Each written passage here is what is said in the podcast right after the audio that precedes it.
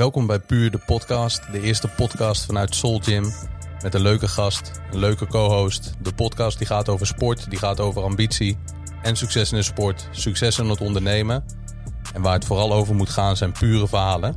Ehm, ja, verhalen die mensen aanspreken, die echt zijn, die te maken hebben met sport, met verliezen, met winnen. Eigenlijk alles wat met sport te maken heeft en, ehm, en wat je ook echt in het leven tegenkomt.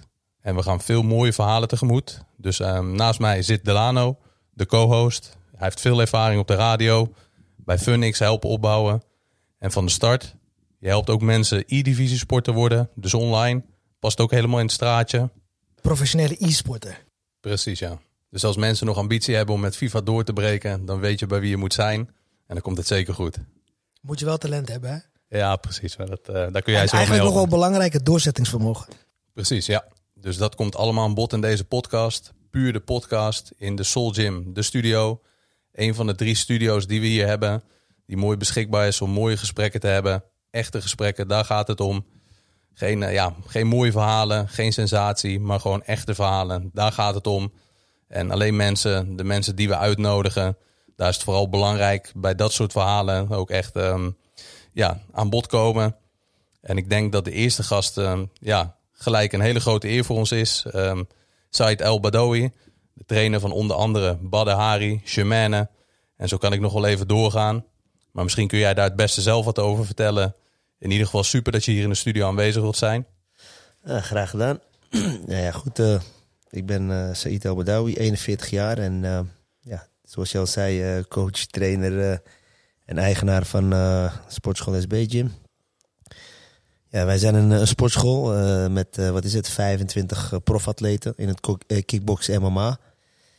En, eh, maar waarbij we ook gewoon recreanten hebben. En eh, ja, 21 jaar zijn we al onderweg. Dus eh, Ja, want hoe ben jij precies begonnen? Want SB Gym is pas eh, ja, is niet heel lang ont- eh, geleden ontstaan. Met eh Shemane heb je dat opgezet?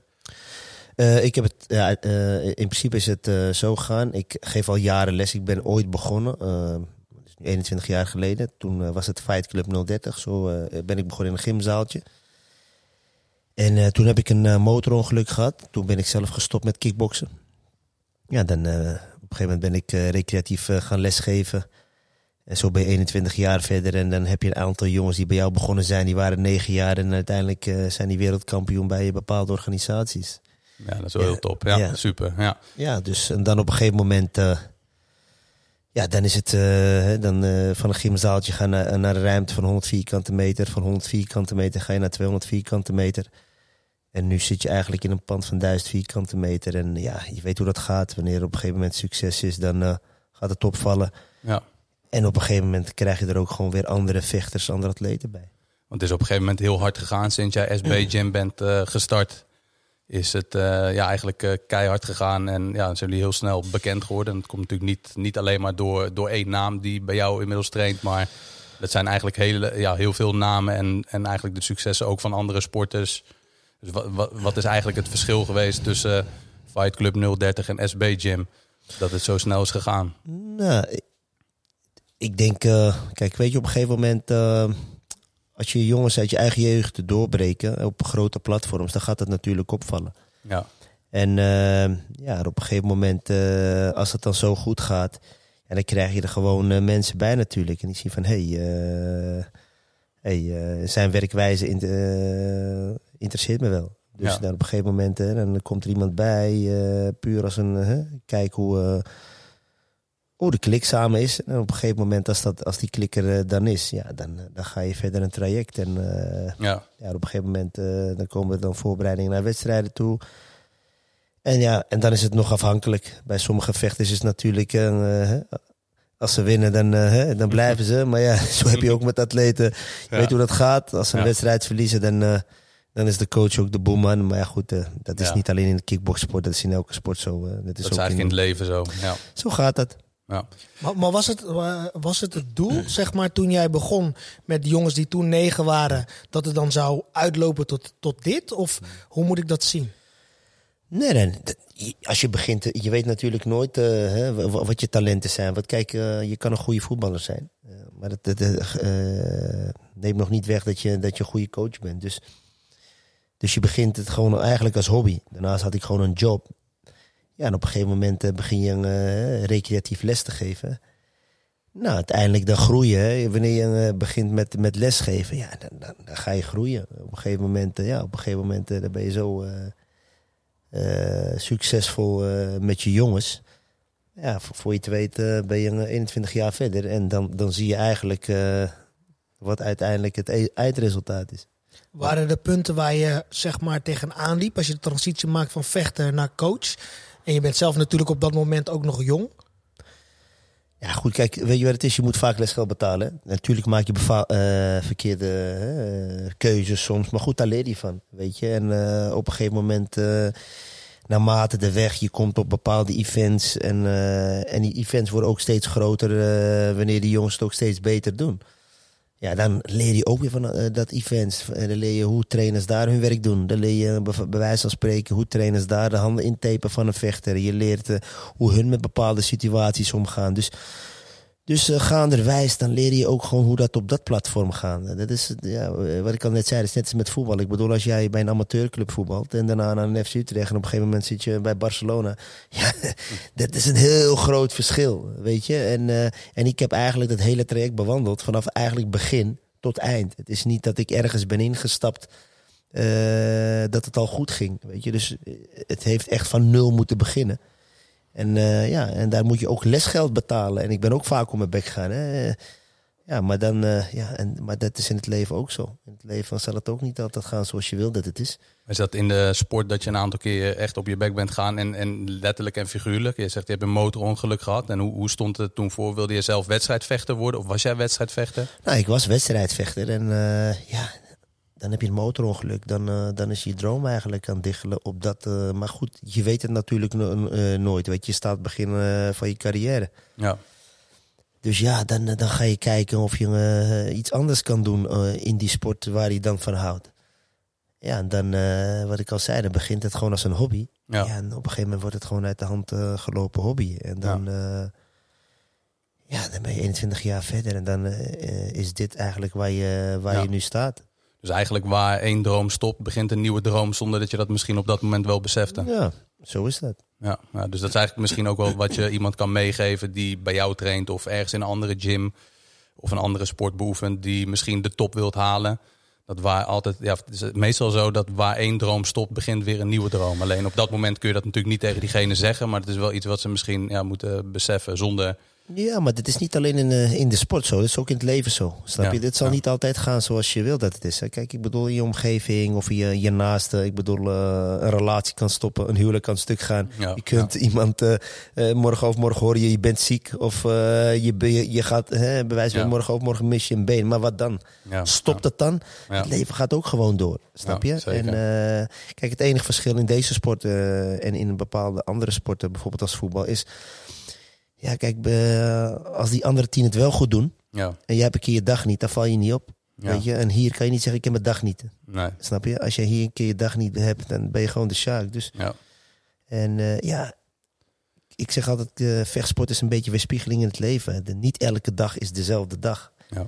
Uh, je zult dagen hebben dat, dat het gewoon, ja, om het maar gewoon te grof te, te zeggen, het zijn gewoon dagen, klote dagen. Ja, ja. Maar goed, wat doe je? Moet je herpakken, je moet er toch staan. Je leert ermee omgaan. Zo is het leven. Ja. Vind je dat wel lekkerder dat je nu als coach, als het ware, ja, misschien net iets, ja, weet je, je kan misschien net makkelijker een keer een, een off-day hebben? Of gebeurt dat wel eens? Of? Ja, maar ja, goed. Ook ik heb wel eens een off-day. Maar ja, je, weet, je moet blijven presteren, want je weet hoe het gaat. En uh, succes heeft ook een keerzijde. Het is niet alleen maar dat je succes, ook ik word afgerekend uh, ja. uh, op, als een, een, vechter niet presteert. Snap je? ja je krijgt de jongens bij. Uh, zij gaan ervan uit uh, dat jij ze beter kunt maken. En dat heeft soms uh, tijd nodig. En sommigen hebben die tijd er niet voor of de geduld. Ja, je ja. weet zelf, afleren is moeilijker dan dingen aanleren. Ja. Snap je? Ja, en nog even terug te komen op, op jouw partner, op Germaine. Zij heeft natuurlijk ja, als enige vecht, Nederlandse vechtster heeft zij de UFC-titel binnengehaald. hoe is het om met haar samen te werken? Ja, als atleet is ze gewoon een, uh, een prettig persoon om uh, daarmee samen te werken. Ze, ze, is heel dedicated en uh, ja, ze heeft daarnaast ook nog een job. Hè. Mhm. Dus eh, ja, goed, kijk, zes een voorbeeld eh, hoe, eh, hoe je eigenlijk, eh, je, je bent een topsporter, maar daarnaast heeft ze ook nog een fulltime job. Dus eh, en, eh, om dat te kunnen combineren in, eh, in deze wereld, ja, dat is niet makkelijk. Ja. Ja. dat is wel moeilijk. En ja, als je, eh, hoe is de samenwerking tussen jullie eh, gestart? Hoe, hoe is het zo gekomen dat je van, want je was eerst haar coach en toen vocht ze volgens mij al wel in de UFC. En toen ben je uiteindelijk heb je besloten om met haar samen te gaan werken om een gym te gaan openen. Eh, nou, uiteindelijk, dat was wel de doelstelling, hè, om samen gym. Uiteindelijk is de, heb ik de gym helemaal alleen gedaan. Mhm. Ja, de- Ja. het stukje is, op een gegeven moment ben, je een, eh, ben, je een, eh, ben ik haar coach. Alleen op een gegeven moment, eh, kijk, ze heeft daarnaast ook een job. En Ja. ja, soms moet je keuzes maken, weet je. Soms moet je keuzes maken. En alleen op een gegeven moment heb ik er goed over nagedacht. Zo, zo- je weet nooit, kijk, een, een coach zijn en, en, en ehm, zaken doen, dat zijn twee verschillende dingen. En op een gegeven moment ja, heb ik er toch goed over nagedacht. In de zin van, eh, wat nou straks als zij als vechter bijvoorbeeld... Het kan hè, vechters Mhm. kunnen altijd weggaan of wat Ja, dan ook. Ja, Ja, dan heeft, het, hè, dan heeft het ook straks een zakelijke conflict. ja. Begrijp je? Dus, Ja. dus ehm, ja, voor mij was het een, een, een makkelijker om de band en de vriendschap toch goed te houden. Hè? Los als vechter-coach. Maar ook in, in, in, in zaken doen. Stel, eh, de morgen overmorgen een vechter zegt ik ga weg. Ja goed, hè, da- dan gaat hij weg. Maar dan heb je nu nog ook een zakelijk geschil. Dus dat wordt dan ook nog eens, een- eens een... eh, Ja. Weet je, en... ehm, ja, en ik denk dat dat eh, voor nu gewoon eh, de beste keuze is. En eh, we Ja. weten niet wat de toekomst brengt. Nou, Dat is het verschil. Kijk, als je een zakenpartner bent met iemand en er zit daar nog niet de carrière van die persoon, dan zijn het twee verschillende dingen. ja, precies. Ja. Alleen stel dat morgen overmorgen een vechter besluit om weg te gaan en naar een andere trainer, maar dan heb je nog steeds een zakelijk een, eh, geschil samen. En Ja. dat is soms niet makkelijk. Nee, dat is niet ideaal. Dus nu, kun je, niet- nee, nu kun je nu eigenlijk volledig op haar eh, ja, vechtcarrière focussen samen met haar. Ja, En ehm, ja, zij is natuurlijk UFC-kampioene geweest. Eigenlijk een ja, specifiek moment wat ik eh, eigenlijk even naar voren wil halen. Heb je natuurlijk al net even over gesproken. Ehm, zij is UFC-kampioene geweest. De, de, de enige Nederlandse en de Nederlanden. Ja, geen, geen enkele man of eh, vrouw is het eerder gelukt. Overeen was het dichtbij. Ehm, en uiteindelijk eh, ja, is zij UFC-kampioene geweest. En is zij gestript omdat zij heeft gezegd dat zij niet tegen Cyborg wilde vechten. Dat heeft best wel een impact op mij gemaakt als liefhebber van haar als, eh, ja, als vechter. En hoe, hoe was dat voor jou en hoe hebben jullie die periode samen ervaren? Ja, Kijk, die periode was net iets voor mij. Weet Mhm. je, eh, de in- en outs.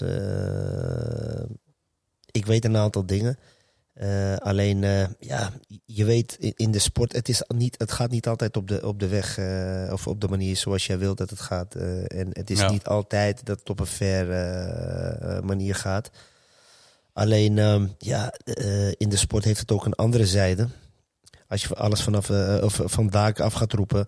En weet ik veel, voor de dames is het dan zo hè, makkelijk uit de kleren en dat soort dingen. Ja, dan, dan, dan krijg je toch een hele ander aanzien bij bepaalde organisaties. Dan dat jij gewoon humble bent en, eh, Ja, en, ja. en heel respectvol. eh, want dat verkoopt geen pay-per-views. Ja, ja, want dat is eigenlijk wel een beetje waar het nu ja, deze tijd om draait. Als je succesvol wilt worden, zul je toch ook wel iets meer van jezelf moeten laten zien dan, dan ja, een hele privépersoon. En, en toch moet je net even wat meer ja, van, van uit je comfortzone stappen en wat niet per se met de sport te maken Ja. heeft.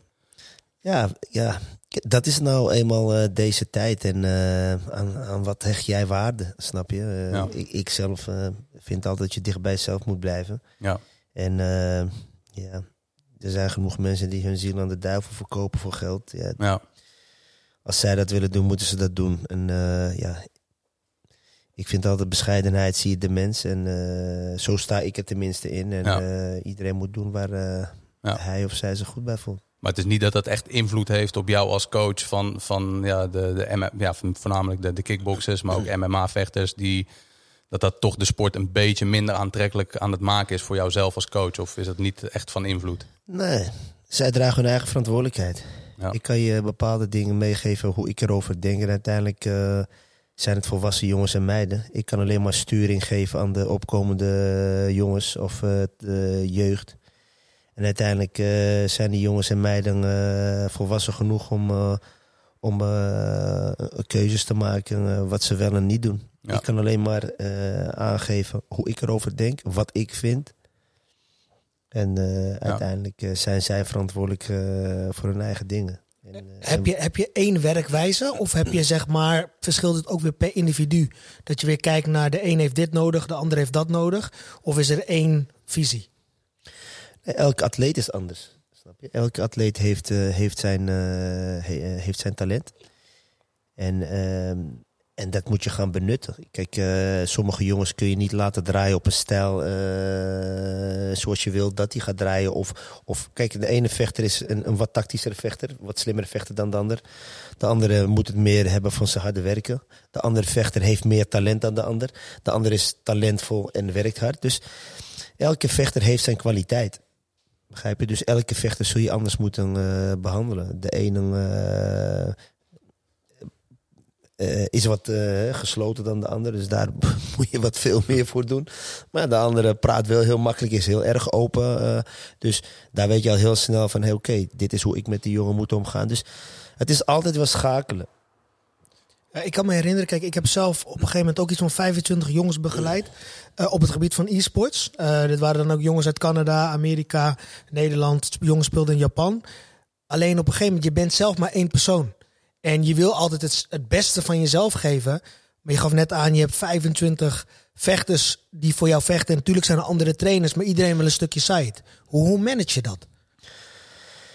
Kijk, uiteindelijk eh, moeten de jongens ook leren elkaar te helpen. Snap je? Kijk, wij trainen zijn maar pionnetjes. En je kan, eh, er zijn, eh, ik geef een voorbeeld, de basisdagen dat ik de lessen geef. En er zijn dagen op het moment dat ze een wedstrijd hebben, dat we dan één op één gaan werken. Ik heb maar twee handen en twee benen. En uiteindelijk moeten ze wel leren ook elkaar te helpen. Weet je? Want uiteindelijk hebben de vechters elkaar nodig. Het is niet, ik bedoel, alleen maar aan mij hebben ze niks. Uiteindelijk hebben ze ook elkaar nodig. En dat is wel een belangrijk eh, iets dat de vechters ook leren om hun eigen verantwoordelijkheid te nemen. En dat ze ook elkaar moeten helpen eh, en klaar moeten zijn voor elkaar. Want dat neemt ook een stukje eh, bij mij weg. En wat, wat is jouw beste eigenschap als coach of misschien ook wel als mens? Aangezien jij wel dicht bij jezelf wilt blijven, kunnen we die vraag misschien wel gewoon gelijk ja, in het dagelijks leven ook stellen. Wat, wat is jouw kracht echt als mens en als coach? Ja.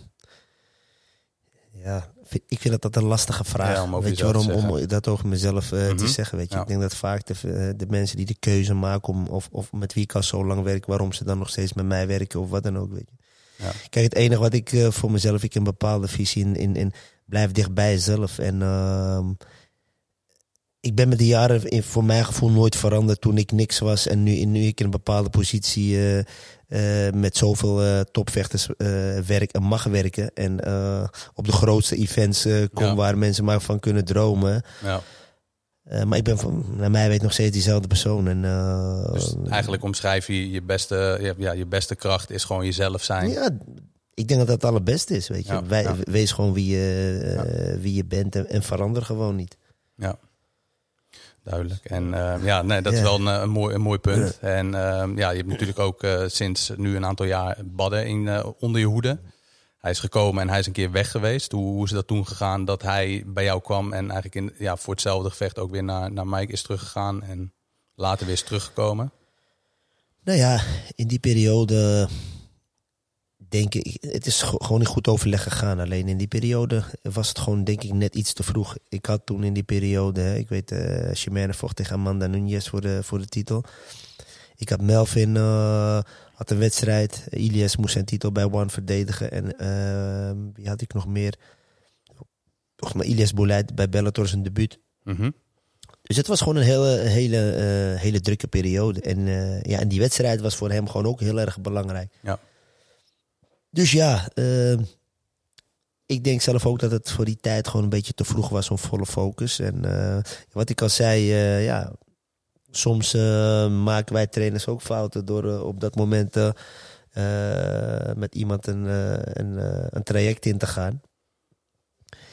Maar ja, dan heb je het misschien in die periode zo druk. En ja, dan kan je niet al die ballen hoog houden. Ja, maar wel de pet. Hè? Wel de pet. Ja, nee, ja. Maar, maar wat, wat neem je dan zeg maar in de toekomst? Wat heb je daarvan meegenomen? Nou ja, goed. Wat ik ervan mee heb genomen is dat je soms ook gewoon nee moet verkopen.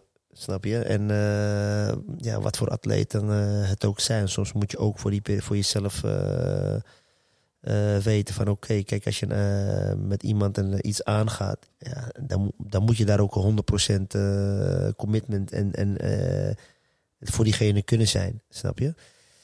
En dat is dus waar we het net over hadden, over de keerzijde van succes. Ja, succes. En op een gegeven moment, als je er alleen maar meer jongens bij krijgt en, en, en wetend dat je het dan heel erg druk hebt, ja, dan moet je soms ook nee kunnen verkopen dat je nu niet die, die persoon de aandacht en tijd kan geven. Ja. Wat ik wel interessant vond, uh, je had het net ook over ondernemen, het zakelijk gedeelte. Um, nou, uh, Tony, je bent natuurlijk ook ondernemer, ik ben ondernemer. En je passie, uitvoeren en ondernemen zijn twee totaal verschillende dingen. Wat heb je door de jaren heen, met name op het gebied van ondernemen, op dat vlak uh, moeten leren? Heel veel. Waarom? ondernemen is toch een hele andere vlak. Kijk, ik ben sowieso niet van de cijfertjes en dingetjes en snap je? Alleen, uh, ja, kijk, we weten allebei uh, dat uiteindelijk je brood komt van je recreatieve leden. Waarom? Je huur, et cetera. Kijk, die wedstrijdvechters die betalen misschien een percentage. Maar ja, in, in coronatijd, begin corona, dan zie je dat heel veel stilstaat. Ook heel veel jongens hebben geen wedstrijden. Dus die zijn puur afhankelijk daarvan. Ja. Dus ja, eh, dan ben je soms eh, te veel gefocust op, op de jongens, maar dan vergeet je het andere gedeelte. Dat je ook een, een, een, een pand wat draait, huren, de lasten, trainers, de hele meuk. Ja, dus dan vergeet je soms van, hey, ondernemen, dat is niet alleen maar de jongens klaarstomen voor hun wedstrijden, maar er komt gewoon veel meer bij kijken. En, ehm, ja, wat dan heel erg belangrijk is, is dat je gewoon een, ja, de mensen uh, hebt die, die dat stukje dan uh, op zich kunnen nemen. Ben je daarin, want, want dat is het eigenlijk groei. Groei heb je in het bedrijfsleven heb je een team nodig. Um, vaak is het zo als je als individu een sterk karakter hebt, om ook mensen te vertrouwen, om bepaalde dingen uit handen te geven. Ik, ik vond het zelf altijd lastig en ik heb dat ook moeten leren. Hoe was dat bij jou? Ja, nou ja, goed. Ik ben daar wel eens tegen de lamp aangelopen. Eh, zoals jij zegt, weet je, mensen vertrouwen en uh, ervan uitgaan. Uh, maar goed, het is vaak zo. Hè. het is niet altijd zo dat mensen het, het zien alsof het hun eigen toko is. Weet je, dus de andere kant ervan is ook vaak dat wanneer je alles uit handen geeft en mensen vertrouwt, op een gegeven moment en iemand, er gebeurt iets, ja, dan ben je puur afhankelijk van die hele persoon. En dan zie je op een gegeven moment van, uh, ja, dat, dat je op een gegeven moment uh, eigenlijk helemaal vastloopt. Bij wijze van spreken, bepaalde dingen die die persoon altijd. Dus wat ik ervan heb geleerd is altijd ook de achterkant van je eigen onderneming te weten hoe alles in elkaar zit. En hoe alles, mocht er iemand wegvallen, dat er altijd nog, dat je de dingen zelf kunt doen. In ieder geval weet wat er... en daar ben ik wel tegen de lamp aangelopen van nee, op een gegeven moment heb je alles uit handen gegeven aan één of twee personen. En dan op een gegeven moment valt die persoon weg. En dan, uh, ja, dan mag je uh, alles gaan rechttrekken. En dan wetend nog dat je ook nog andere dingen hebt staan. Jongens die wedstrijden hebben voorbereiden. Ja, dan weet je dat dat ook nog een stukje impact heeft uh, op jezelf. Maar je moet er wel weer staan. Wel herkenbaar voor jou denk ik ook, hè? Ja, zeker weten. Vooral dingen uit handen geven als zelfstandig ondernemer is gewoon, ik denk wel een van de lastigste dingen. Je wilt eigenlijk alles zelf doen. Vooral ja, als je in het begin van je onderneming heb je wel gewoon de neiging om echt alles zelf te doen. Je wilt liefst je eigen website maken. Je wilt het uh, pand schoonmaken. Uh, je wilt de marketing doen. En uiteindelijk gaan al die dingen gaan ten koste van je, van je basisproduct waar je eigenlijk ja, dan goed in bent of goed in denkt te zijn. En zodra je dat door hebt, is dat ja, wel een stuk makkelijker werken. Dat je als ondernemer gewoon richt op hetgene waar jij goed in bent. En mensen inhuurt voor hetgene waar zij goed in zijn. En het verhaal van Said, wat, wat hij net aangaf, van ja, uiteindelijk de, de recreanten zorgen voor de grote bron van inkomsten. Um, hoe kijk jij als ondernemer, en, en uh, nou, we zitten hier in jouw gym, hoe kijk jij naar de ondernemer Said, dus los van de coach? Met uh, veel respect en waardering. Ik denk dat het heel mooi is om te zien, ook omdat ik ja, natuurlijk, uh, ja, je het wat langer ken, um, ja, de groei heb gezien. En dat is eigenlijk het mooie, is dat je, dat je iemand ook niet leert kennen vanaf het moment dat iemand succesvol is. En natuurlijk ook al eerder succesvol was, maar het heeft nu wel echt een vlucht gemaakt richting uh, ja, veel succesvolle en ik denk ook internationaal bekend. Als uh, Khabib nu Magedov met jou op de foto wilt, dan ben je al wel wat bekender geworden. nee. Maar dat, uh, ja, dat, is wel, dat is mooi om te zien. Het is altijd mooi om te zien, of, of je kan wel genieten van ondernemers die het goed doen, die hard werken, die succesvol zijn. het motiveert mij in ieder geval om, ja, om daar ook van te leren, om daarvan te genieten, om ja, ook verder te komen. Uh, maar ja, het is wel ook mooi. Het is, ja, mensen zien vaak de buitenkant, de mooie dingen. Ze zien hier de gym, uh, ja, je auto of, of andere succesvolle dingen. En achter de schermen gebeurt er natuurlijk een hele hoop wat je moet laten om dat succes te bereiken. Dus ik denk ook wel dat, dat, ja, dat zou je dat misschien kan uh, ja, beamen. Dat, dat als je ja, heel succesvol bent, dat er ook een keerzijde aan zit. Dat naast het succes daar tegenovergesteld ook net zoveel ellende eigenlijk zit. Wat het zeker waard maakt. Ik zou het nooit anders uh, willen doen. Dus het is, het is het zeker waard. Maar ik denk wel dat veel mensen vooral ook de leuke kant zien en die willen hebben. En ja, dat, dat is eigenlijk wat, wat ik dan vooral als ondernemer opmerk. En ik denk dat zij dat ook wel ja, ervaren heeft. Ja, 100 procent. Vooral, de, kijk, mensen denken van hey, uh, succes waar je nu staat, van hey, uh, het is allemaal pracht en praal. Maar dat is het totaal niet. Er komt ook heel veel, om het grof te zeggen, heel veel shit bij kijken. En echt, mensen beseffen niet, die denken, kijk, wij moeten elke keer gewoon een, een, een, een pokerface ophouden. Want je moet er altijd staan. Je kan niet zeggen vandaag heb ik een off day. Weet je, als ik, uh, ook ik, hè, dan ben ik aan de andere kant van de wereld. Dan, ja, dan heeft iemand de, de, wedstrijd van zijn leven die verliest. Nou ja, hè, motiveer hem maar weer. En dan kom je weer terug en dan staan de volgende jongens die moeten weer. Maar hè, die jongen heeft thuis de, de tijd om het te gaan verwerken. Ik niet.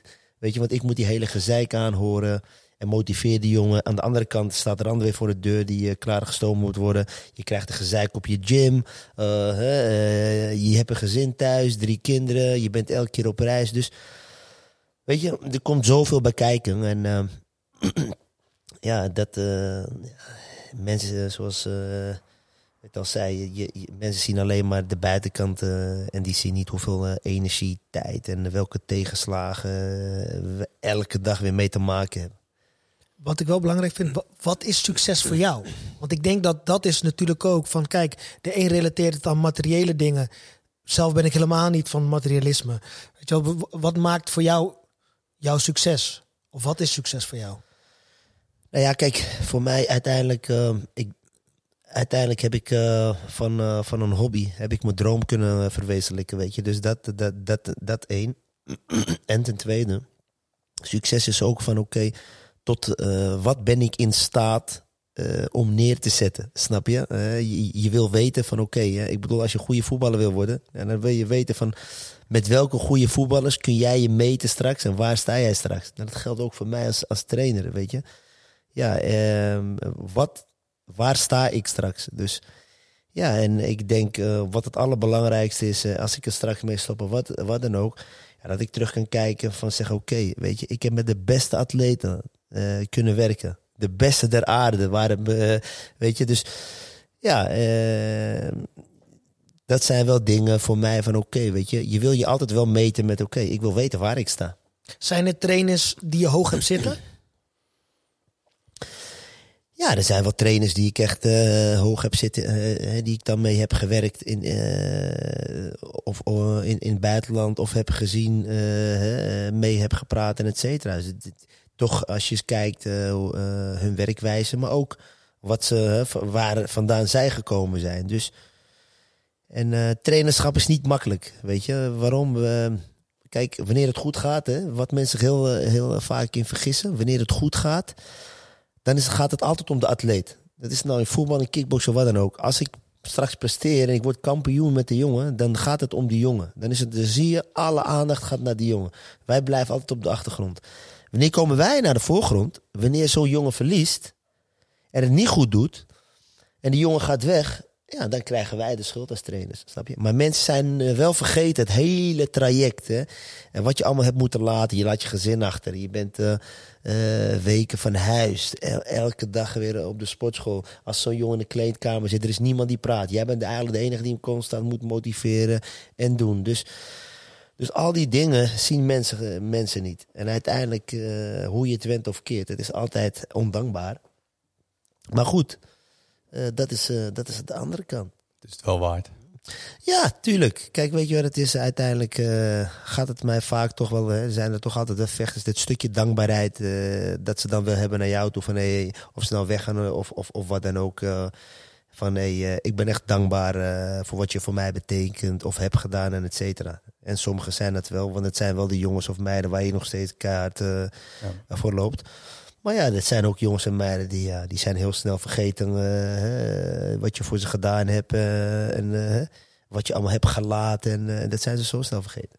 Hoe is het als een vechter verliest? En ja, jij bent dan degene die wat moet gaan zeggen. Bijvoorbeeld de laatste wedstrijd die veel mensen natuurlijk hebben gezien. En, en vooral de Baddenfans uh, ja, toch wel pijn heeft gedaan. Hij was echt aan de winnende hand. Hij uh, was uh, heel dichtbij. Hij verliest uiteindelijk. Wat, wat zeg je dan tegen hem? Nou ja, kijk, het, het blijft altijd vervelend als je verliest natuurlijk. Ja. Snap je? En ehm, ja, goed, kijk, wat ik al eerder zei. En, ehm, soms leer je van een verliespartij veel meer dan een winstpartij. En ik heb eigenlijk liever soms dat iemand een, een, eh, een, een goede wedstrijd vecht en verliest, dan dat hij eigenlijk een slechte wedstrijd uh, vecht en wint. En uh, het, is ook gewoon een, een, een, leerproces. Kijk, het is gewoon een leerproces. Hij vecht gewoon een goede wedstrijd. En ja, een kat in het nauw maakt rare sprongen. Ja. Ja, dat was letterlijk wat er gebeurde. Hij lag eigenlijk in de touwen. En, en, ja. Maar dat zijn dingen die iedereen kan overkomen, begrijp je? Ja, en, ja. Want hij had drie keer acht seconden had zijn tegenstander gekregen, toch? Drie keer acht tellen. Ja, drie keer achter, ja. Ja, dan krijg je drie keer acht tellen. Ja, dan, uh, dan gebeurt uh, zoiets uit een, uh, ja, uit een situatie waaraan... kijk, wanneer iemand in een, in een situatie komt waarbij hij niet weet hoe hij moet handelen... Ja, dan zijn ze vaak het gevaarlijkste, weet je. Want dan, dan, dan komen vaak acties waar ze zelf ook vaak van schrikken, snap je? Ja, als jij in het nauw komt, ja. ja. dan, uh, dan, dan, dan, weet je eigenlijk niet hoe je reageert. Ja, dus, dus ja, dat soort wedstrijden, ja, dat kan gebeuren. Dus uh, ja, iedereen kan tegen een stoot aanlopen. Dat heb ik de laatste keer ook meegemaakt bij One Championship. Ja, dan staat daar een jongen. Ja. Die loopt dan op een, op een trap. En die gaat daar neer. En dan is het gewoon zuur. Maar ja, dat is part of the game. Maar is dat dan zeg maar, je loopt tegen een trap op, is dat dan iets onvoorzien? Of had dat voorkomen kunnen worden? Hoe, hoe moet ik dat zien? Ja, goed, kijk, weet je wat is? Als je een bepaalde stijl vecht, dan heeft het ook bepaalde risico's. Snap je? Ik bedoel, uh, als je aanvallend uh, vecht, uh, dan heeft het ook bepaalde risico's. ja, en als je een bepaalde stijl gewend bent, en je weet, je geeft iemand drie keer een nacht tellen, dan moet je een wedstrijd gaan controleren. Maar ja, goed, afleren is moeilijker dan aanleren. En dat heeft gewoon tijd nodig. Dus als jij een stijl van iemand wil gaan aanpassen, ja, dat, dat kan je niet doen in, in vijf maanden. Weet je, dat heeft gewoon tijd nodig. En dat is precies hetzelfde. Kijk, als je iemand nu blanco hebt, ja, dan is het makkelijker. Diegene is blanco. Maar als iemand een bepaalde iets heeft aangeleerd, en dan moet jij het gaan afleren, ja, dat heeft gewoon tijd nodig. En ik denk uiteindelijk in een trainingsperiode en een traject is anders dan in de ring zelf. Tuurlijk. Eh, als jij uh, op de gym aan het sparren bent. En dat is toch anders als je straks in een stadion staat met 20.000 man. Met de, de druk die je voelt, de omstandigheden. Ja, dat, dat kan je gewoon niet vergelijken. En, uh, ja, dat is nou eenmaal de paard of the, of the game. Maar wat krijg jij tijdens zo'n event, 20.000 man. En natuurlijk alle ogen zijn gericht op de vechter. Maar als mens zelf krijg je natuurlijk ook heel veel impulsen. Sluit je je daar als trainer voor af? Of, of zoek je dan toch nog iets hoe, bereid jij je voor op zo'n uh, zo'n verschrikkelijk uh, uh, mooie wedstrijd? Ja, kijk, de allereerste keer dat ik voor een vol stadion zat in Japan, ja, tuurlijk. Dan kom je binnen, dan ben je hier in Nederland gewend op het begin met een event waar een paar duizend man. Ja, natuurlijk. Dan, dan denk je van, hé, hey, dit is toch een hele andere koek. Maar ja, met de tijd wordt het ook een bepaalde gewenning, snap je? Je, je, je, je staat daar, je moet gewoon je werk doen. En je weet op dat moment dan uh, ben jij eigenlijk uh, de persoon waar die vechter uiteindelijk uh, in gelooft. En weet dat jij maar die wedstrijd heen kan loodsen. En op dat moment dan, dan moet je als trainer gewoon in je rol gaan blijven. Maar goed, ook mij doet het wel wat natuurlijk. Snap je? het is niet alleen voor de, voor de vechter. Kijk, ik moet ook wetend uh, dat het ook een bepaalde druk op mij uh, afkomt, natuurlijk. Ja, als een vechter uh, verliest, het stukje daarna in de kleedkamer, de weken daarna, begrijpen. Dus het stopt niet alleen in de ring, maar er is ook nog een traject daarna en er is een traject ervoor. Dus zo makkelijk is het niet als mensen vaak, vaak denken. En het traject daarna, dat uh, is natuurlijk ook wel heel interessant. Ik heb die vraag veel gekregen of ik die vraag uh, natuurlijk aan jou kon stellen. Is Badder fit? Kijk, Badr is iemand die, eh, die, eh, die zijn werk echt serieus neemt en heeft een hele team om zich heen eh, met wie die werkt. Ik, ik, ik kan je zeggen, kijk, hoe ik hem heb ervaren. En eh, jongen, die, die jongen is een sportman echt in hart en nieren. Weet je, kijk, je wordt ouder en dan ga je dingen toch heel anders eh, doen. Ja, die jongen die heeft gewoon een vaste patroon in, in zijn slaappatroon, eetpatroon, tra eh, trainpatroon. Dus, dus ja, het, het is iemand die, eh, die 100% eh, commitment aan zijn sport. Dus hij, hij is weer klaar voor een volgend gevecht. Ja, we zijn we nu weer, hè, want hij had een, een, een lichte blessure. We zijn nu weer in training voor de, voor de volgende wedstrijd. En kun je al meer zeggen over wanneer die wedstrijd gaat plaatsvinden? Nee, dat is bepalend nu voor wat er gaat gebeuren. Hè. Die cijfers hier eh, gaan ook omhoog. Nou ja, laatste wedstrijd eh, met, met Badr was in, eh, in Ahoy. Daarna hebben we Gelderdoom eh gehad met twee andere jongens. Nou ja, het was weer het eerste event waar we volgens mij 18.000 of 20.000 man hadden. Ja. Ja, hoe het er nu naar uitziet, betwijfel ik of we straks naar een periode gaan waar we weer ook zoveel publiek. Ja. Kijk, het, het, ik zelf eh, vind het zonder publiek gewoon, ja, ja. het is gewoon niks. Maar vecht, vecht hij ook niet zonder publiek? Nou ja, ik, kijk, ik denk dat het voor hem eh, ook niet fijn is om zonder publiek. Volgens mij heeft hij eh, die wedstrijd toen tegen Benny zonder publiek gevochten. Dat was Ja, voor mij. En ik denk niet dat het een pretje. Ik zelf heb het al een paar keer bij de UFC meegemaakt, bij One Ja, Championship. Ik zeg je heel eerlijk, het lijkt alsof je gewoon in een sportschool aan het vechten bent. En je hoort Ja. alles wat je zegt of wat de andere. Je hoort zelfs, eh, bij wijze van spreken, als er een microfoon valt, hoor je. Dus Ja, ja. kijk, eh, die toeschouwers geven toch wat extra motivatie. eh, en ook wetend, hé, hey, hier doe ik het voor. Ja, dus eigenlijk ja, kunnen de mensen die zich daar dat echt af, afvragen. Badder is fit. Hij is klaar om te vechten. Het wachten is eigenlijk op het eerstvolgende event waar publiek weer toegelaten wordt. Inderdaad. En kun je ook al wat meer zeggen over zijn volgende tegenstander? Nee, we zijn nog in een onderhandeling, dus eh, het is Ja. nog niet duidelijk tegen wie, hoe of wat. Beetje, eh, ik denk dat dat eh, pas te sprake komt als de vergunningen en de toestemming eh, worden verleend voor een event. En, Ja. en, of met publiek of, of, of zonder publiek. Heb jij een voorkeur? Nee. Nee, verder geen, Nee. nee.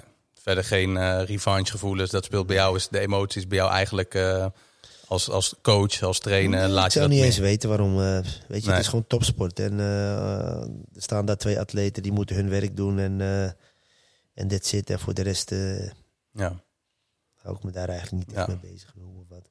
als het maar snel weer gaat beginnen met publiek. Dat zou wel mooi zijn. Ja, publiek. Kijk, weet je wat ik al zei, man. Als je, als je de opkomstnummer begint en je, en je komt en, en, en dan- je hoort Ja. 18.000 man, dan, ja, dan denk je van, hé man, 18.000 of 20.000 man die hier staat eh, om, om naar je wedstrijd te kijken. Ja, dat, dat, geeft de wedstrijd, dat geeft gewoon een vechter een bepaalde Ja. kracht gewoon. Ik, ik, ik moet nog wel even wat vragen over. Zie je de opkomst van de tegenstander ook? Of ben je dan al volledig locked in op jouw vechten? Eh, eh, ligt eraan. eh, ligt eraan of wij blauw of rode hoek zijn. Meestal van de tijd zijn we rode hoek. Dus wij zijn als laatste. Dus we zien die opkomst niet van hem. Want je, komt, eh, je, je hebt een eh, catwalk waar je opkomt. Ja, kijk, als je de blauwe hoek bent, ja, dan zie je die opkomst.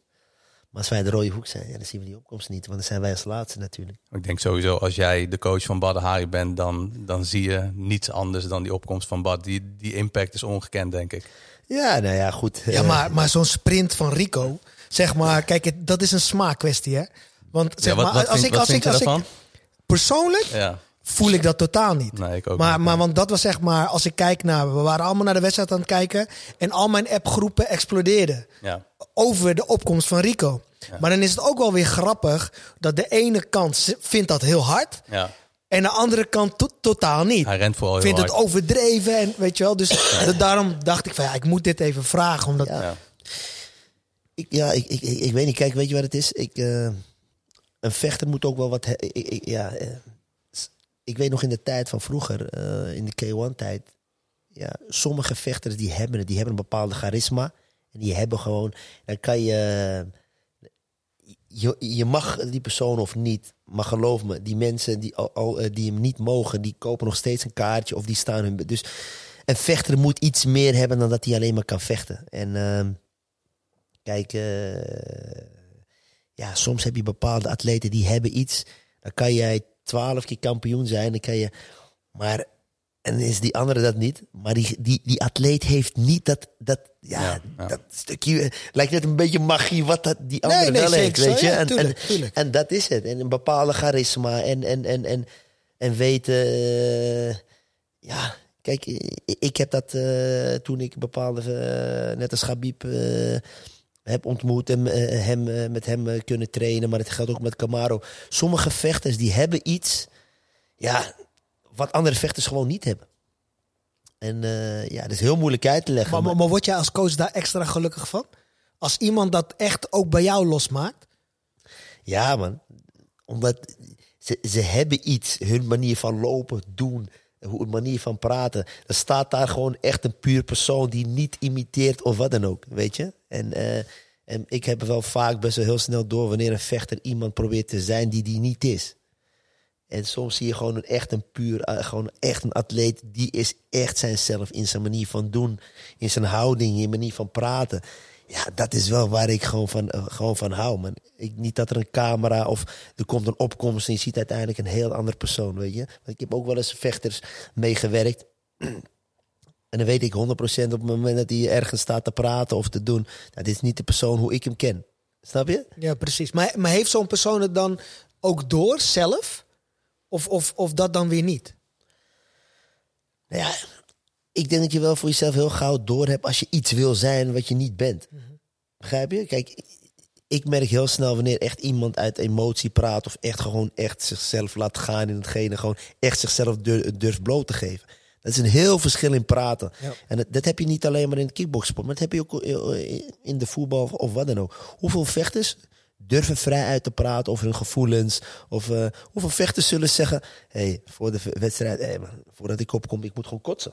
Ja. Ik kan je Ja, zeggen, precies. het zijn Gewoon die vechters- realness, gewoon echt, Ja, ja, ik kan ja. vechters, ik weet, joh, die moet gewoon kotsen voordat hij eh, opkomt. En er zijn vechters, jongen, die gewoon in tranen barsten voordat hij opkomt. Snap je? Ja, Mike Tyson had het altijd. Ja, ja, zo Voor zijn, ieder gevecht. ja maar snap je? Dus dat zijn wel vechters die gewoon echt een kijkje in de keuken durven te geven. Gewoon van, oké, dit is de persoon wie ik ben. Dus dit is, dit is wie ik ben. Zijn er vechters van vroeger, uit, misschien uit de K1, die, die jij zo ervaart? Gewoon van buitenaf, dat jij vroeger vond van ja man, diegene voel ik echt. Nou ja, goed. Vroeger in de, in, de, in die, in de K1-tijd had je bijvoorbeeld in de 70 kilo had je een, eh, een, een vechter, een Masato bijvoorbeeld. Eh, maar goed, eh, uit die tijd had je bijvoorbeeld ook Rob Kaman, dat soort vechters. Of Ramon Dekker, dat soort waren. Ja, dat waren toch vechters, ja. Dat waren toch wel vechters van, hey, dit waren gewoon hoe, ja, hoe die jongens waren. Zo, in, het echt zijn ze ook zo, weet je. En eh, ja, ik, ik hou daarvan. Ik hou daarvan om echt eh, iemand te zien gewoon hoe die echt gewoon is. Weet je, dat, dat, dat, dat is, eh, dat is hoe, hoe ik graag naar een vechter kijk. Maar dat, dat heb je met een badder ook zo, joh. Dat is, hij is gewoon wie hij is. Hij zal zich niet anders voordoen. Dat is gewoon de man hoe jij hem op de gym met hem werkt. En hoe hij eh, in een persconferentie is of wat dan ook. Dat is gewoon de persoon, gewoon hoe hij is. En, ik eh, vind dat nog wel heel interessant, omdat je hebt natuurlijk een vechter die al zoveel jaren, je, je gaf net ook aan, afleren eh, is moeilijker dan aanleren. Ehm, jij hebt jouw bakervaring, 21 jaar ervaring als trainer. Hij heeft zijn ervaring als vechter. Nou, nu hebben jullie het gevecht laatst. Hoe zorg je ervoor dat dat dan helemaal blendt? Wat, wat kan jij dan als trainer of wat wil jij als trainer eh, bij hem bijdragen om tot een succesvol resultaat te komen? Ja, kijk, iemand komt bij je en eh, in, in het geloof dat, dat, dat, dat je een aanpassing kunt, kunt doen, eh, zodat hij weer kan presteren of in ieder geval kan draaien. En dat is het stukje wat, wat dan eh, voor mij belangrijk is om te zorgen dat dat, dat eh, gaat lopen, weet je. Maar op een gegeven moment dan is het niet meer, je traint alleen met elkaar, maar op een gegeven moment ontstaat er ook een band met een bepaalde vechter. Dus op een gegeven moment eh, is het voor beide belangrijk dat we open, transparant naar elkaar toe zijn. Snap je? Ik zeg hoe ik over dingen denk of hoe ik het zie.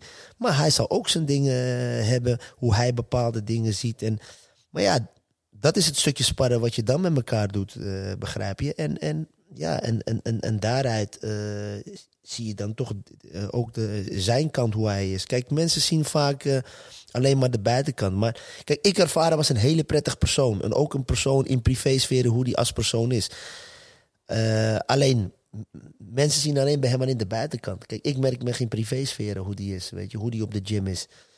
Ehm, maar ja, voor, mij is een hele prettig persoon eh, om, om mee te werken. Eh, en ik erva- ervaar, ervaar hem niet als een, als een persoon dat hij eh, de ene keer zo is en de andere keer zo. Hij is gewoon hoe die gewoon is.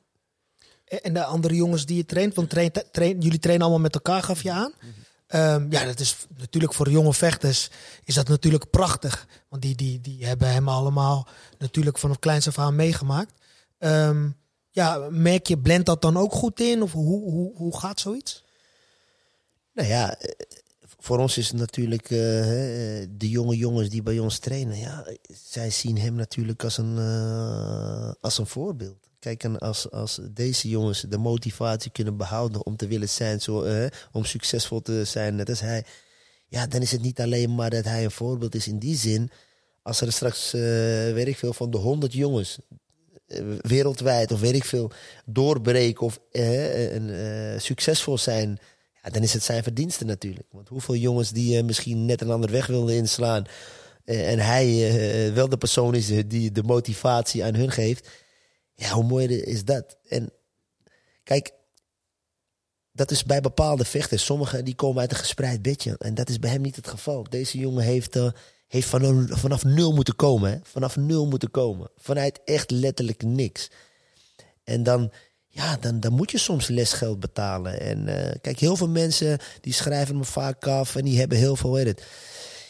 Eh, maar deze, deze persoon is wel een voorbeeld waar je vanuit niets, nul, hè, echt nul, met nul euro, nu staat waar je nu staat als een succesvolle eh, persoon. Dus En, en eigenlijk relateer je dat niet aan winst en verlies. Want als Nee, je kijkt naar ik- waar iemand vandaan komt en waar die nu staat als mens. Kijk, deze man is gewoon succesvol. Die is gewoon kampioen in zijn leven, man. Dat is het allerbelangrijkste. Deze man is niet, het is niet te refereren aan belt. Weet je wat de waarde van een belt eh, heeft? De waarde van een belt heeft te maken met het feit welke weg jij bewandeld hebt, welke tegenslagen, alles wat je hebt meegemaakt, bepaalt de waarde. Ik heb eh, zoveel belts van, jongens. Maar de ene belt heeft bij mij een bepaalde waarde, omdat ik weet hoe diep en van waar we vandaan gekomen zijn. Een andere belt die heeft geen waarde wanneer die krijg je bij een pakje boter, bij wijze van spreken, snap je? Maar dat is wel de reis die hij heeft, eh, heeft meegemaakt. Alle ellende. En mensen zien alleen maar het stukje van ja, hij is negatief in het nieuws. Die jongen heeft zijn zus op jonge leeftijd verloren aan, aan een ziekte. Die heeft zoveel ellende over zich heen gehad. Deze jongen begon van 0 euro. Die heeft dus, op een gegeven moment eh, is die van, van niets. Vocht hij een wedstrijd, kreeg hij bekendheid. Vanaf daar ging hij naar Japan. Op een gegeven moment zo'n jongen. Ja, die werd op een week vanuit het niets op handen gedragen. De, in de, onze sport heb je geen mediatraining. Je hebt niet iemand die jou eh, eh, coacht of zegt van... hé luister, dit is het traject hoe, je moet bewandelen. Begrijp je? Deze jongen die stond er gewoon helemaal alleen voor. Dus die moest gewoon lesgeld gaan betalen. En die heeft dat dan op bepaalde manier eh, gedaan. En nu zijn we 36 jaar is die volgens mij. Ja, 36 is die. Ja, kijk waar die nu staat. Die heeft een mooi gezin, heeft vijf kinderen. En die heeft het nu echt wel goed voor elkaar. En je, er staat gewoon een hele andere persoon dan toen die begon. begon. En stel dat eh, nu een jonge figuurlijke badden bij jou in de gym eh, zich komt aanmelden. Hij gaat dat hele traject, eh, probeert hij te volgen. En hij weet natuurlijk nog niet wat voor hem klaar ligt. Wat, wat, wat zou je tegen zo iemand zeggen? Wat zou een les zijn? Nu jij eigenlijk zover bent gekomen, weet wat je nu weet. Wat, wat zou je, of, of jonge luisteraars die nu luisteren, wat zou je die willen meegeven die eh, veroordeeld worden? eh, die, die misschien nu niets hebben. Die voelen dat, dat de kansen in hun leven gewoon een stuk moeilijker aankomen. Dat ze niet in dat gespreide bedje zijn opgegroeid of, of geboren. Wat, wat zou je die willen meegeven? Wat, Nou ja, kijk, we kunnen ze bepaalde dingen meegeven die wij hebben meegemaakt van eh, hoe het ook kan, snap je? Maar dit soort jongens als, als, als, als, als dan, dit zijn wel jongens die hebben zwaar lesgeld moeten betalen, snap je? En ehm, nou ja, goed, de dingen, ehm, hoe wij het nu doen, door veel te praten met die jongens. eh, en de- hij zelf ook, weet je, want hij weet ook bepaalde dingen, hoe het wel moet en, en hoe je het beter niet kan doen. Hij heeft die Ja. lesgeld moeten betalen. ja. Dus het enige wat wij kunnen doen, ik en, en, en hij, om met die jongens zo te praten dat wij hun meegeven van hé, hey, wij hebben die lesgeld betaald, dus je kunt Ja. het beter op deze manier doen Ja, dan ja, op die manier, want wij zijn daar al geweest. ja, ja. Maar hoe, hoe anders is de tijd nu? Als je het vergelijkt met toen jij 20 was. We zijn allemaal een beetje generatiegenoten. Dit is een hele andere tijd. Ja, maar ja, al is het een andere tijd. Kijk, jongens als hij komen eerder binnen bij iemand dan iemand. Ik geef een heel klein voorbeeldje. Als jij met iemand gaat praten die het goed heeft, ja, die het gewoon goed heeft, die komt uit een gespreid bedje en die een bepaalde weg in gaat slaan. En je gaat hem uitleggen, ja, je kan het beter zo en zo en zo doen. Die gaat tegen jou zeggen, kom op man, waar heb jij het over? Jij hebt het goed en alles, jij weet niet eens eh, wat ik allemaal heb meegemaakt. Maar dit is wel een jongen en die kan precies zeggen, eh, begrijp je? Want heel veel jongens of meiden, die refereren zich met hem. Want die, die, die voelen dat. Die weten, hé, hey, waar hij vandaan gekomen, daar zit ik nu in. Begrijp je? Dus die zullen eerder eh, het van hem aannemen. Omdat zij weten van, hé, hey, weet je, deze jongen eh, is van de straat. En die kwam van niets. En kijk waar Ja. hij nu staat, weet je. Ja. Dat is eerlijk. Of eerder te accepteren. Of eerder aan te nemen. Dan dat iemand die eh, eigenlijk, die had alles al kant en klaar. eh, die, die werd naar de gym gebracht. En weet je, die kreeg van zijn vader, weet ik veel, nou de mooiste voetbalschoenen, tenuutjes en dat soort dingen. En dat, dat hij, had hij niet. En dat hadden wij niet. Wij kwamen de gym binnen, we hadden helemaal niks. 0,0.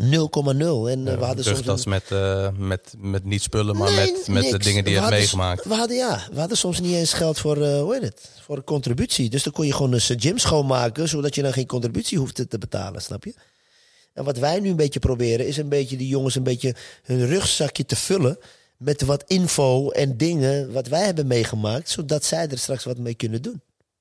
En dat zijn nu wel de jongens, een aantal jongens, jonge jongens, die bij mij dan nu wel eh, succesvol zijn op, hoe heet het, dat zijn wel de jongens waar wij wat dat stukje hebben meegegeven. En hij heeft dat nooit gehad van iemand.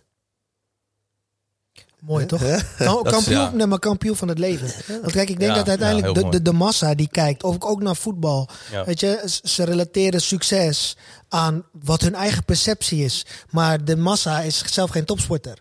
Dus ook wat je daaruit haalt, dat, dat is gewoon heel anders dan, kijk, onderling vechters, die weten wat erbij komt kijken. Die, zeg maar, een, hetzelfde als een goede voetballer.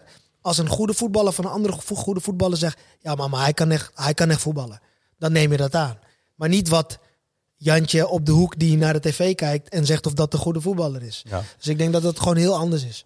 Nou Ja, heel veel vechters of voetballers hebben een bepaalde bagage. Kijk, eh, je kunt niet vergelijken. Kijk, de ene voetballer, die, die werd eh, van jongs af aan altijd door zijn ouders naar de club gebracht en eh, de, opgehaald. En papa en mama eh, keken altijd langs de zijlijn.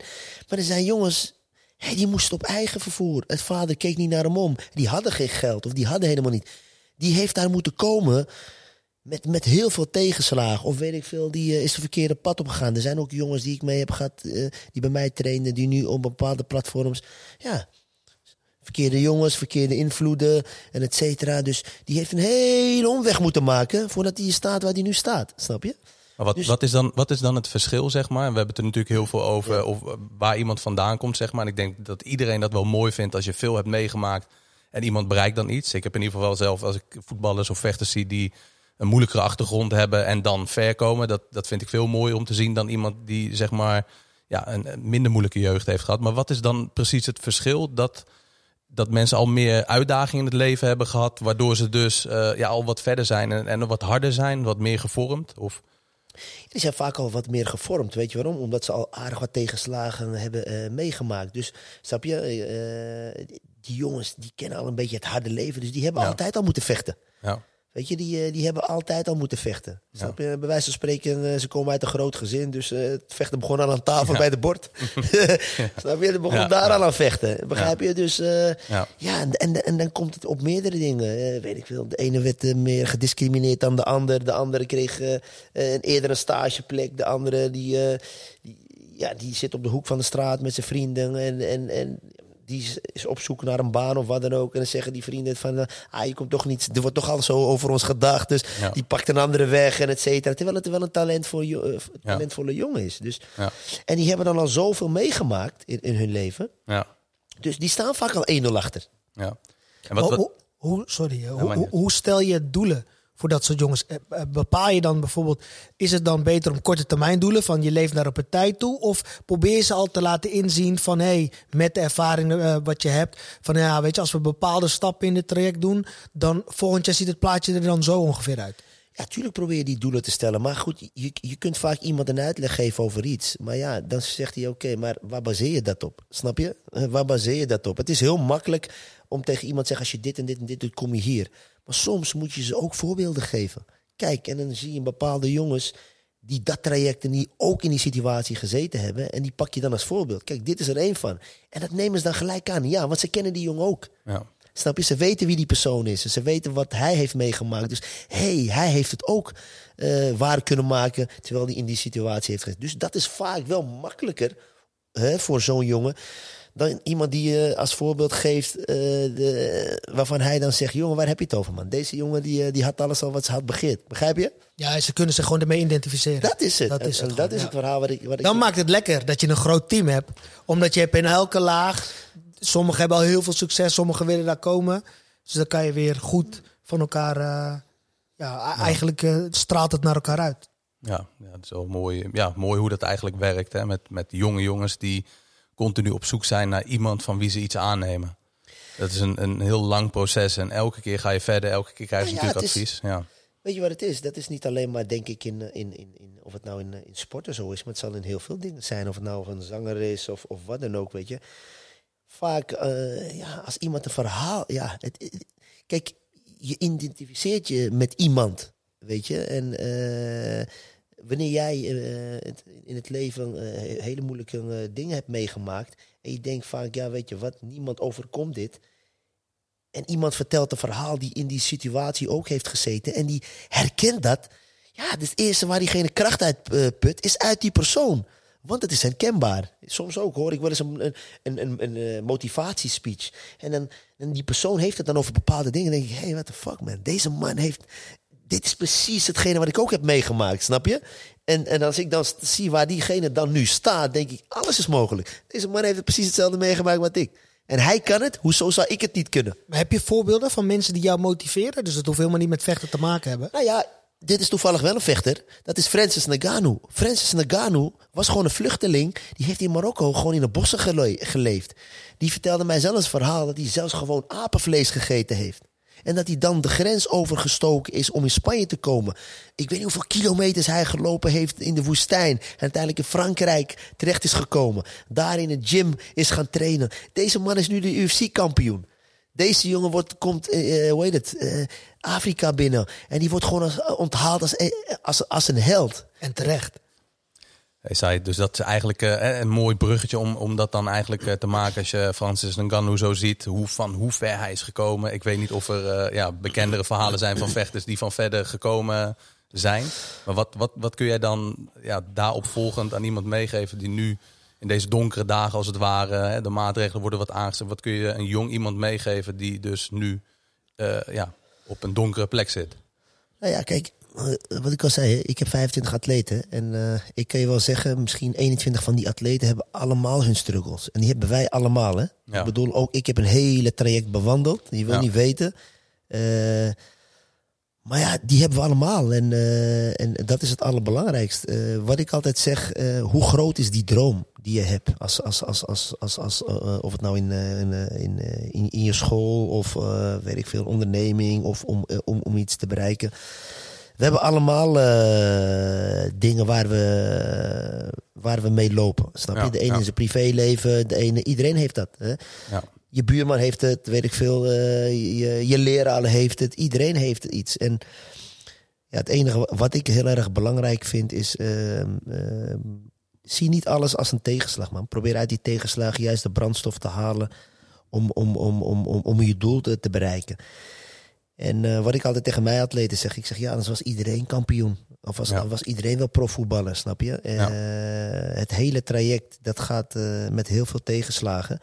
En hoe graag wil jij dit? En hoe diep ben jij er eigenlijk voor bereid om voor te gaan om, om, om, je, om je doel te behalen? En niet zozeer alleen maar in, de- in, in de sport. Ja, om succesvol te zijn in je school. Of als, als, als vader, Ja, ja. weet ik veel. Of als, als moeder.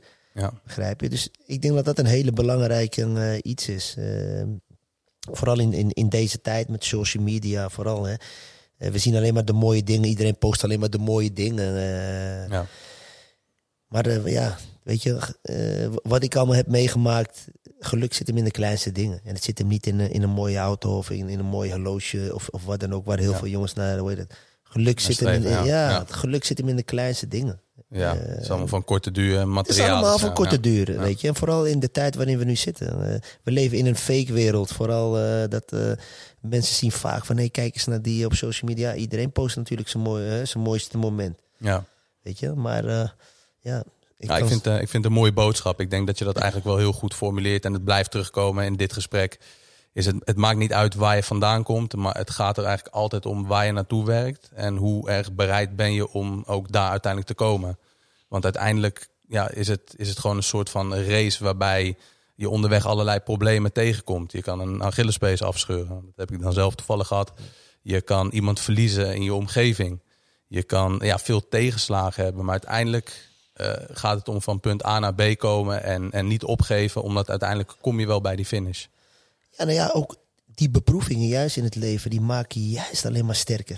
Want Ja. die beproevingen heb je gewoon nodig. Kijk, Ja. en soms, eh, hè, ik zeg altijd liever dat je ze op jonge leeftijd hebt dan dat je ze op oudere leeftijd hebt. Want Ja, op, op jonge leeftijd, die beproevingen, maak je straks wel later eh, eh, de persoon die wie je dan eh, bent. En eh, ja, dat is nou eenmaal eh, hoe, eh, eh, het leven hoe het, eh, hoe het is. Ik bedoel, jij hebt genoeg tegenslagen gehad, maar die heb ik ook. Ja, ja, En, en als ik kijk nu waar ik nu sta, ik had vroeger gewoon een job. ja. Ik had gewoon vroeger gewoon een, een, job. En eh, ik weet nog dat mensen al tegen mij zeiden... "Pff, joh, eh, je loopt gewoon, eh, gewoon vrijwilligerswerk gewoon te doen. Ja, ja. Weet je, en ik kreeg zelfs om een dichte omgeving. Ja, je loopt al die jongens te, te trainen en te doen, jongen. Het is allemaal weggegooid tijd. ja, ja. Weet je? Ja, maar dat, dat kom je natuurlijk ook veel tegen. En dat, ik denk dat, dat dat ook wel heel belangrijk is. Ik kom dat heel veel tegen, vooral met, met jonge gasten of die, die iets willen bereiken.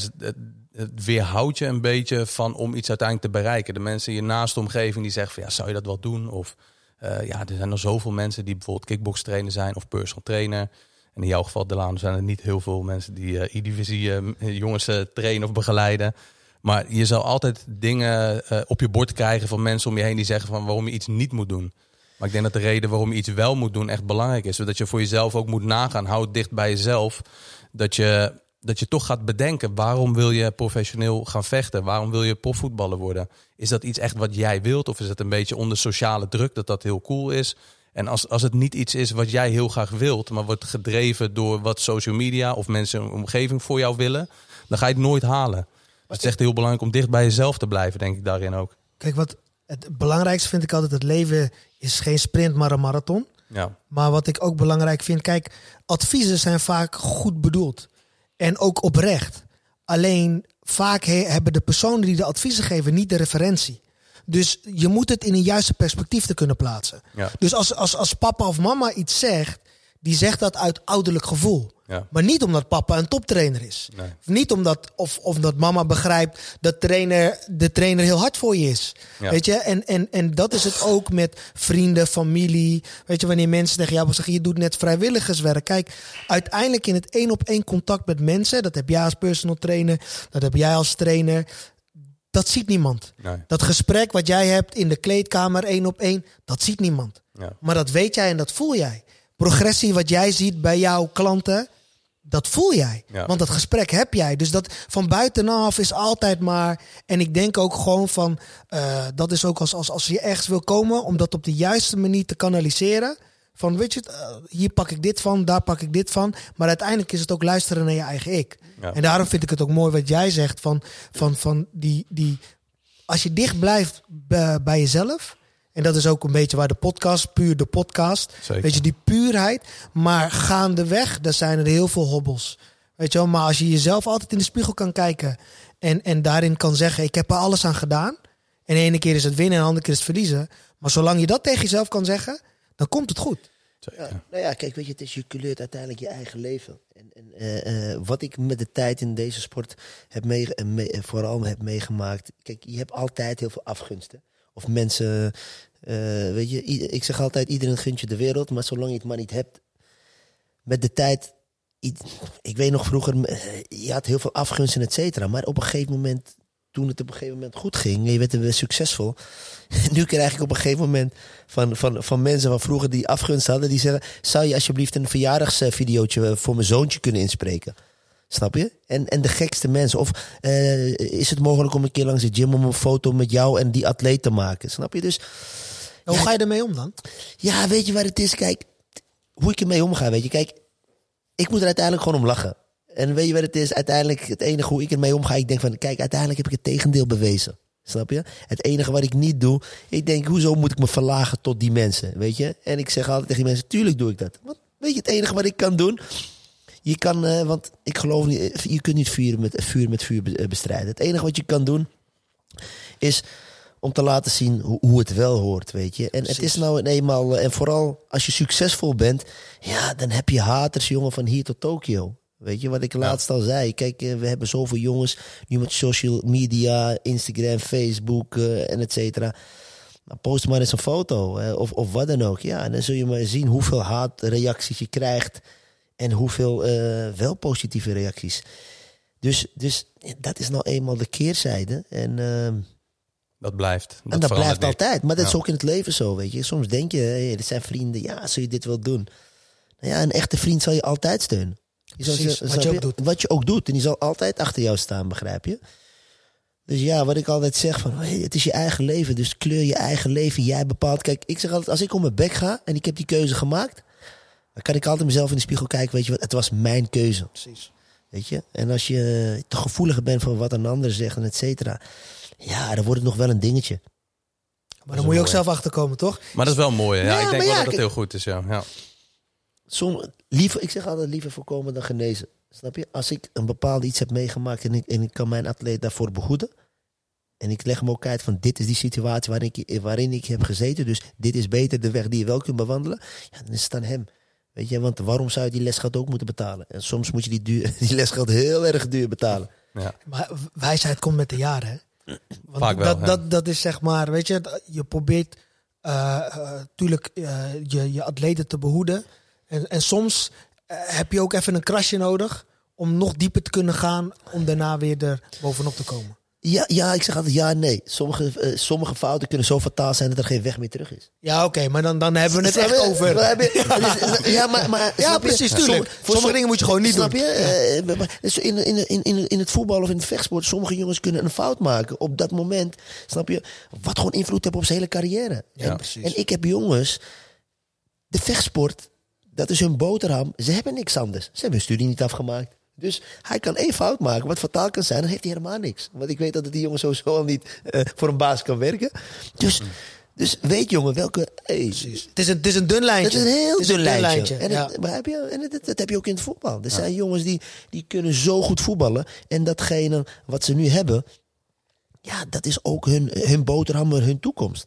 En als ze dat straks niet hebben, die kan niet eens misschien gaan vakken vullen bij de Albert Heijn. Om, die heeft niet eens een, een goede basis eh, qua onderwijs of wat dan ook. ja, precies. Dus zuinig eh, zijn met de kansen die je Tuurlijk. krijgt in het leven is heel belangrijk. Want sommige kansen komen maar één keer voorbij. Maar één keer. Die Ja. boot passeert soms één keer. Of Ja. je stapt in, Ja.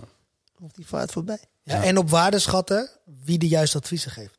100 procent. Dat is het Ja, ook, hè? ja, ja. Het is ook wel gewoon daarin... Soms moet je daarin ook gewoon vooral even buiten jezelf naar jezelf kijken van... Oké, wat wordt er nou echt tegen mij gezegd? En wat is de intentie van de persoon? Ja. Weet je wel? En, en in jouw geval is het vooral met name eh, ervoor te zorgen om dingen te voorkomen. Ja, nee, goed, je moet filteren. Ik zeg altijd gewoon filteren. Dat is ook gewoon in het lesgeven. Ik bedoel, eh, ik zeg altijd, eh, je kan van iedereen wat leren, weet je. En eh, misschien is eh 99% onzin in een les die iemand geeft. En misschien 1%. Nou ja, van die 1% 1, 1, 1, 1, 1 maakt toch een heel Ja. groot geheel. Ja. Precies. Het is ook maar net wat je er zelf van maakt. Ja, en eh, ik denk dat dat het belangrijkste is. Is dat je, je krijgt heel veel kansen in het leven. Voor iedereen komt een kans voorbij. En het is wat je er zelf van maakt. En wat je er op dat moment van, eh, mee doet. En soms komt een les ook later binnen. Eh, De les die je nu geeft of de gesprekken die we nu hebben... die hoeven niet vandaag bij iemand binnen te komen. Ze horen die gesprekken, ze horen de lessen. Maar soms komt iets ook twee jaar later pas binnen. Ik spreek ook uit eigen ervaring. Soms zegt iets, iemand iets tegen je. En diegene denkt van, nou, die, die luistert toch niet. Maar ondertussen gaat zoiets ja, een beetje marineren. En op een gegeven moment ben je klaar ook voor dat moment... om, om, die, om dat toe te passen wat je dan op dat moment hebt meegekregen. Soms sta je niet bij stil. bij wat iemand tegen je zegt en wat dat eigenlijk voor jou kan betekenen. Ja, dat klopt. En ik denk dat, eh, ja, hè, als dat eh, ook een mooie, mooie stap is richting het einde. We hebben eh, hele mooie, pure gesprekken gehad. Open. over ambitie, over succes in de sport, maar ook in de zakenwereld. Ehm, ja, ik denk dat, dat dit ook wel een mooi moment is om de eerste podcast af te ronden. Ja. Ik wil sowieso Delano als co-host bedanken. En eh, jou zie ik sowieso de volgende podcast weer terug. Ik bedankt dat je mij eh, co-host hebt gemaakt. Ja, heel graag. Het gaat eh, volgens mij gesmeerd. Maar en binnenkort zullen we ook de volgende gasten gaan aankondigen. En ja, een heel, ja, heel warm bedankje richting jouw site. Enorm bedankt dat je hier wilde komen als eerste gedaan. gast. Dat, dat kun je ook natuurlijk maar één keer goed doen. En ja, het is voor mij echt een enorme eer om jou sowieso te kennen als coach en als persoon. En om in de gym te hebben. Eh, ik waardeer het enorm voor de lessen. En ik ga dit eh, ook zeker vaker terugkijken en, en laten rondzingen. En eh, ik denk dat heel veel mensen ja, wat hebben aan jou als ze de podcast zien. Of als ze bij jou in de gym komen, bij SB Gym. Om ja, door jou of een van jouw ja, vechters getraind te worden. Dat, dat dat een ervaring is die ze zeker een keer moeten gaan ja, ontdekken. Ja, graag gedaan. Kijk, weet je, het allerbelangrijkste is, eh, en dat is ook de reden waarom ik eh, ja tegen je zei. Het allerbelangrijkste wat ik vind, kijk, ik heb drie kids. Mhm. Weet je, het allerbelangrijkste in de tijd waarin we nu leven, is het belangrijk wat geven we onze kinderen mee. En we zitten nu al in een tijd waar eigenlijk al alles kan. Er kan van alles geroepen worden. eh, ik bedoel, eh, eh, als je op social media kijkt, van rappers tot, tot wat dan ook, waar het naartoe gaat, waar we naartoe gaan.